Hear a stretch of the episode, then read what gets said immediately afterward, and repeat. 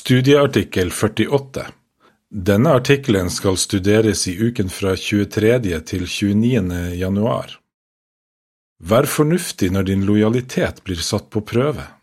Temavers Du må være fornuftig i alle ting. 2. Timotius 4,5 Sang 123 Guds lojale tjenere har teokratisk orden. Introduksjon vår lojalitet mot Jehova og hans organisasjon kan bli satt på prøve, særlig når det skjer noe i menigheten som vi reagerer på. I denne artikkelen skal vi se på tre utfordringer vi kan møte, og hva vi kan gjøre for å fortsette å være lojale mot Jehova og hans organisasjon. Avsnitt 1 Spørsmål Hva vil det si å være fornuftig? Når det skjer noe i menigheten som vi reagerer på, kan vår lojalitet mot Jehova og hans organisasjon bli satt på prøve. Hvordan kan vi takle slike utfordringer?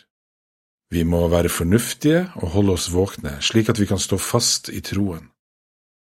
I 2. Timotius 4,5 leser vi, Men du må være fornuftig i alle ting. Uthold vanskeligheter, fortsett å forkynne det gode budskap og fullfør din tjeneste. Vi er fornuftige når vi bevarer roen tenker klart og prøver å se tingene fra Jehovas synsvinkel. Når vi gjør det, blir ikke tankene våre styrt av følelser. Avsnitt to Spørsmål Hva skal vi drøfte i denne artikkelen? I den forrige artikkelen så vi på tre prøvelser vi kan møte utenfor menigheten. I denne artikkelen skal vi se på hvordan vår lojalitet mot Jehova kan bli satt på prøve av tre utfordringer vi kan møte innenfor menigheten. Det er én når vi føler at en bror eller søster har behandlet oss dårlig, to når vi blir korrigert, og tre når vi strever med å tilpasse oss forandringer i organisasjonen. Hvordan kan vi være fornuftige og lojalt holde oss til Jehova og hans organisasjon når vi møter slike utfordringer?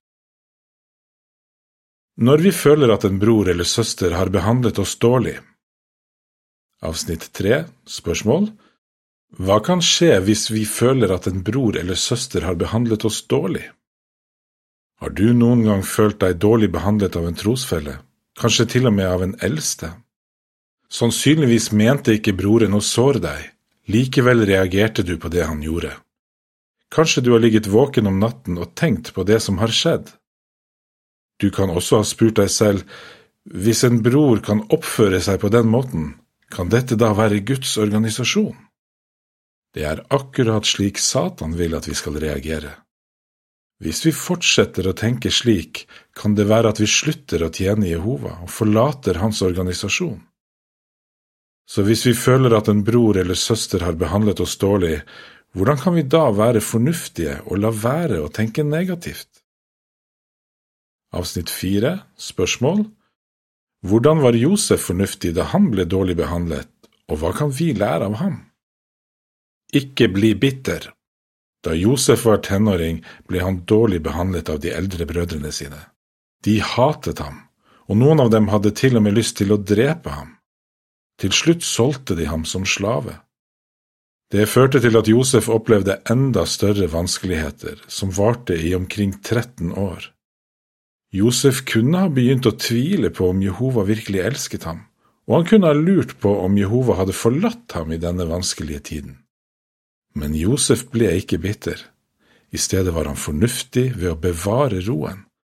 Da han hadde muligheten til å hevne seg på brødrene sine, lot han være å gjøre det og vise dem kjærlighet og tilga dem. Josef oppførte seg slik fordi han tenkte klart, han fokuserte ikke på sine egne problemer, men så det store bildet, Jehovas hensikt. I Første Mosebok 50, 19–21 står det, Josef sa til dem, Ikke vær redde, kan jeg ta Guds plass? Selv om dere ønsket å gjøre ondt mot meg, var det Guds hensikt å la det ende godt og å bevare mange mennesker i live, slik han gjør i dag. Så ikke vær redde. Jeg skal fortsette å sørge for at dere og de små barna deres får mat. Slik trøstet og beroliget han dem. Hva lærer vi? Hvis du har blitt dårlig behandlet, så ikke legg skylden på Jehova, og ikke tenk at han har forlatt deg. Tenk i stedet på hvordan han hjelper deg til å holde ut prøvelsen. Og når andre behandler deg dårlig, så prøv å dekke over feilene deres med kjærlighet. Avsnitt 5 Spørsmål Hvordan klarte Mikeas å være fornuftig da han følte at han hadde blitt dårlig behandlet? En eldste i Sør-Amerika som heter Mikeas, følte seg en gang dårlig behandlet av noen ansvarlige brødre. Han forteller, Jeg hadde aldri før opplevd at noe gikk så sterkt inn på meg. Jeg ble veldig urolig. Jeg kunne ikke sove om natten, og jeg gråt fordi jeg følte meg så hjelpeløs. Men Mikeas var fornuftig og anstrengte seg for å få kontroll over følelsene. Han ba ofte til Jehova om å få Hellig Ånd og styrke til å holde ut. Han lette også etter gode råd i publikasjonene våre. Hva lærer vi? Hvis du føler at en bror eller søster har behandlet deg dårlig, så bevar roen og prøv å få kontroll over de negative følelsene du måtte ha. Kanskje det finnes spesielle omstendigheter som du ikke vet om, men som kan forklare hvorfor broren eller søsteren sa eller gjorde noe som såret deg. Snakk med Jehova om det i bønn, og be ham om hjelp til å se tingene fra den andres perspektiv. Det vil gjøre det lettere for deg å bære over med broren eller søsteren og tenke at han eller hun ikke såret deg med vilje. Husk at Jehova vet hva du går gjennom, og at han vil gi deg styrke til å holde ut. Når vi blir korrigert Avsnitt 6 Spørsmål Hvorfor er det viktig å se på korrigering som et uttrykk for Jehovas kjærlighet? Det kan føles vondt å bli korrigert, i en slik situasjon kan vi lett begynne å bagatellisere det gale vi har gjort, og føle at korrigeringen var unødvendig eller for streng. Men hvis vi fokuserer for mye på oss selv, kan vi overse poenget med korrigeringen, nemlig at den er et uttrykk for Jehovas kjærlighet til oss. Hebreerne 12, 5 og 6 sier, Og dere har helt glemt den formaningen som er rettet til dere som til sønner. Min sønn, se ikke ned på rettledningen fra Jehova, og gi ikke opp når du blir irettesatt av ham, for Jehova korrigerer dem han elsker, ja, han straffer alle han tar imot som sønner. Og i vers 11 står det, Når man blir korrigert, synes man riktignok aldri at det er behagelig i øyeblikket, det er heller smertefullt, men senere får de som er blitt opplært på en slik måte, høste en frukt som fører til fred, nemlig rettferdighet. Og hvis vi lar følelsene våre ta kontroll over oss, kan Satan utnytte det. Han vil at vi skal avvise korrigeringen, og enda verre, at vi skal trekke oss unna Jehova og menigheten. Hvordan kan du være fornuftig hvis du har blitt korrigert? Avsnitt 7, spørsmål A Hvordan ble Peter brukt av Jehova etter at han hadde blitt korrigert? B. Hva lærer vi av Peter? Ta imot korrigeringen og gjør de nødvendige forandringene. Peter ble flere ganger korrigert av Jesus foran de andre apostlene. For en ydmykende opplevelse. Men Peter fortsatte å være lojal mot Jesus. Han tok imot korrigeringen og lærte av feilene sine. Jehova belønnet Peter for hans lojalitet og ga ham senere store ansvarsoppgaver i menigheten. Hva lærer vi av Peter? Det er bra både for oss selv og for andre at vi ser forbi vår sårede stolthet tar til oss korrigeringen og gjør de nødvendige forandringene. Når vi gjør det, blir vi mer nyttige for Jehova og for våre brødre og søstre. Til avsnitt sju er det en bildeserie. På hovedbildet ser vi at Jesus irettesetter Peter foran de andre apostlene.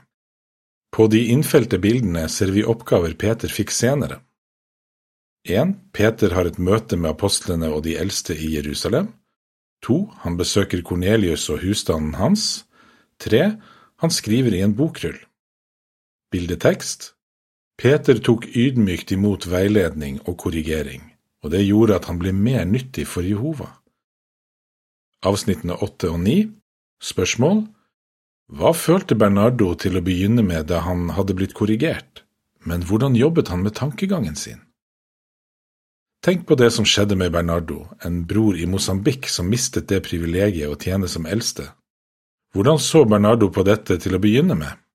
Han sier, Jeg ble bitter fordi jeg ikke likte korrigeringen jeg fikk. Han var også bekymret for hva andre i menigheten tenkte om ham. Han innrømmer, Det tok flere måneder før jeg fikk et rett syn på situasjonen og begynte å stole på Jehova og hans organisasjon igjen. Hva hjalp Bernardo til å forandre innstilling? Bernardo jobbet med tankegangen sin.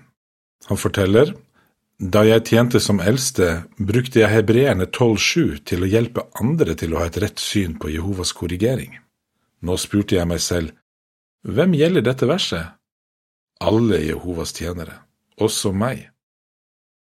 Bernardo gjorde også noe aktivt for å gjenoppbygge tilliten til Jehova og hans organisasjon. Han brukte mer tid på bibellesing og ettertanke. Selv om han var usikker på hvordan brødrene og søstrene så på ham, samarbeidet han med dem i felttjenesten og deltok i møtene. Etter hvert ble Bernardo utnevnt til eldste igjen. Hvis du har blitt korrigert, så prøv i likhet med Bernardo å se forbi det pinlige ved situasjonen. Ta imot veiledningen og gjør de nødvendige forandringene. Hvis du gjør det, kan du være sikker på at Jehova vil belønne deg for at du lojalt holder deg til ham og hans organisasjon. Når vi strever med å tilpasse oss forandringer i organisasjonen Avsnitt 10 Spørsmål Hvilken forandring kan ha satt lojaliteten til noen israelittiske menn på prøve? Forandringer i organisasjonen kan sette vår lojalitet på prøve. Hvis vi ikke passer på, kan de til og med få oss til å slutte å tjene Jehova. Tenk for eksempel på hvordan noen israelitter kan ha reagert på en forandring som kom da Moseloven ble innført. Før loven ble innført, fungerte familieoverhoder som prester. De bygde altere og ofret til Jehova på vegne av familien. Men da Moseloven ble innført, måtte de fleste familieoverhoder gi avkall på det privilegiet. Jehova utnevnte menn i Arons slekt til prester for at de skulle bære fram ofre. Fra da av kunne et familieoverhode som ikke tilhørte Arons slekt, bli straffet med døden hvis han utførte oppgavene til en prest. Fotnote Loven krevde at familieoverhoder som ønsket å slakte et husdyr for at familien skulle spise kjøttet, måtte ta med seg dyret til helligdommen men det ble gjort unntak for familieoverhoder som bodde langt unna helligdommen. Avsnittet fortsetter. Kan denne forandringen ha vært en av grunnene til at Kora, Datan, Abiram og 250 høvdinger gjorde opprør mot Moses og Aron? Det kan vi ikke si med sikkerhet, men Kora og de andre mennene som var med ham, var uansett ikke lojale mot Jehova. Hva kan du gjøre hvis en forandring i organisasjonen setter din lojalitet på prøve? Avsnitt 11 Spørsmål Hva kan vi lære av kehatittene? Støtt helhjertet opp om forandringer i organisasjonen. Da israelittene vandret i ødemarked, hadde keatittene et helt spesielt privilegium. Hver gang israelittene dro fra én leirplass til en annen, bar noen av keatittene paktens ark foran hele folket. Men dette forandret seg da israelittene hadde slått seg ned i det lovte land. Det var ikke lenger nødvendig å flytte arken så ofte. På den tiden Salomo var konge, hadde noen keatitter fått i oppgave å være sangere, tjene som portvakter eller ta seg av lagerhusene. Det står ingenting i Bibelen om at keatittene klaget eller krevde å få en mer fremtredende rolle fordi de hadde hatt en så viktig oppgave tidligere. Hva kan vi lære? Støtt helhjertet opp om forandringer i Jehovas organisasjon, også de som berører den oppgaven du har. Gled deg over alle oppgaver du måtte få. Husk at det er ikke oppgaven din som gjør deg verdifull i Jehovas øyne. Det han setter mest pris på, er at du er lydig mot ham. Til avsnitt 11 er det en bildeserie. På hovedbildet ser vi fire kehatitter som bærer paktens ark. På de innfelte bildene ser vi oppgaver som kehatittene fikk senere. 1. En kehatitt synger. 2. En annen kehatitt stenger en port. 3. En tredje kehatitt lager en liste over det som finnes i et lagerhus.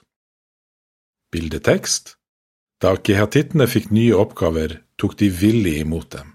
De var sangere, tjente som portvakter eller tok seg av lagerhusene. Avsnitt 12 Spørsmål Hva følte Saina da hun ble bedt om å slutte på Betel? Saina, en søster i Midtøsten, mistet et privilegium hun var veldig glad i, og fikk en ny oppgave. Hun fikk i oppdrag å tjene ute i distriktet etter å ha vært på Betel i mer enn 23 år. Hun sier, Denne forandringen kom som et stort sjokk. Jeg følte meg ubrukelig og spurte meg selv, hva galt har jeg gjort? Dessverre gjorde noen brødre og søstre i menigheten det enda vanskeligere for henne ved å si, hvis du hadde vært flink nok, ville de ha beholdt deg på Betel. I den første tiden var Saina så lei seg at hun gråt hver kveld, men hun sier, jeg tillot ikke meg selv å bli kritisk til organisasjonen eller å tvile på at Jehova elsker meg. Hvordan klarte Saina å være fornuftig? Avsnitt 13 Spørsmål Hva gjorde Saina for å overvinne de negative følelsene? Saina gjorde noe for å bli kvitt de negative følelsene. Hun leste artikler i publikasjonene våre som handlet om nettopp det hun slet med. Artikkelen du kan mestre motløshet i vaktårene for 1. februar 2001 var til stor hjelp for henne. Artikkelen kommer inn på at bibelskribenten Markus kan ha slitt med lignende følelser da han fikk andre oppgaver.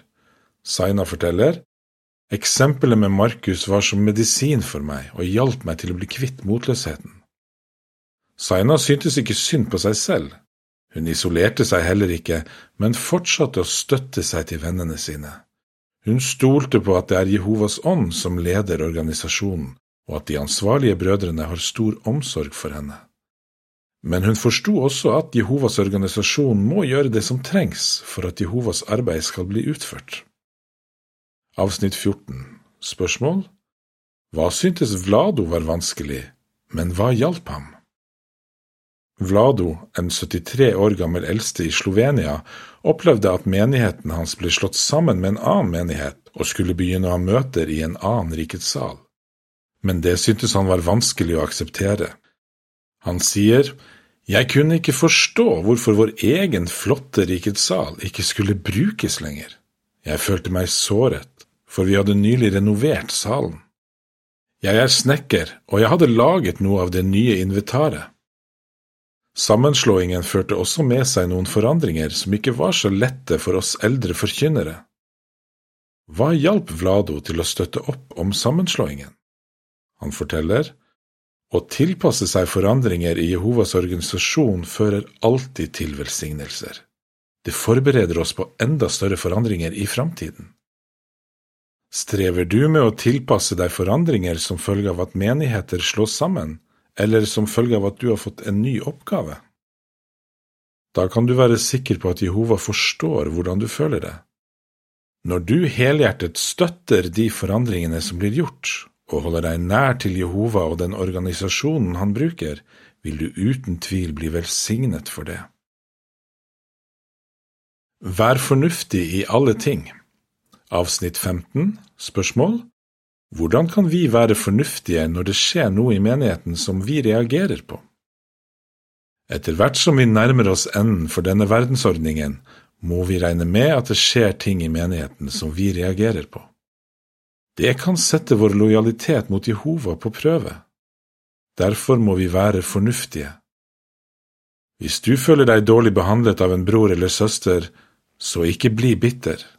Hvis du blir korrigert, så se forbi det pinlige ved situasjonen, ta imot veiledningen og gjør de nødvendige forandringene. Og når Jehovas organisasjon gjør forandringer som berører deg personlig, så støtt helhjertet opp om dem. Avsnitt 16 Spørsmål Hvordan kan du bevare tilliten til Jehova og hans organisasjon? Du kan klare å bevare tilliten til Jehova og hans organisasjon når din lojalitet blir satt på prøve, men det betyr at du må være fornuftig, det vil si bevare roen, tenke klart og se tingene fra Jehovas synsvinkel. Les om personer i Bibelen som taklet lignende utfordringer, og tenk over hva du kan lære av dem. Be til Jehova om hjelp, og ikke isoler deg fra menigheten. Da vil ikke Satan kunne trekke deg bort fra Jehova og hans organisasjon, uansett hva som skulle skje. Hvordan kan vi være lojale mot Jehova og hans organisasjon når vi føler at en bror eller søster har behandlet oss dårlig, når vi blir korrigert, når vi strever med å tilpasse oss forandringer i organisasjonen? Sang 126 Vær på vakt, stå fast, vær sterke. Artikkelen slutter her.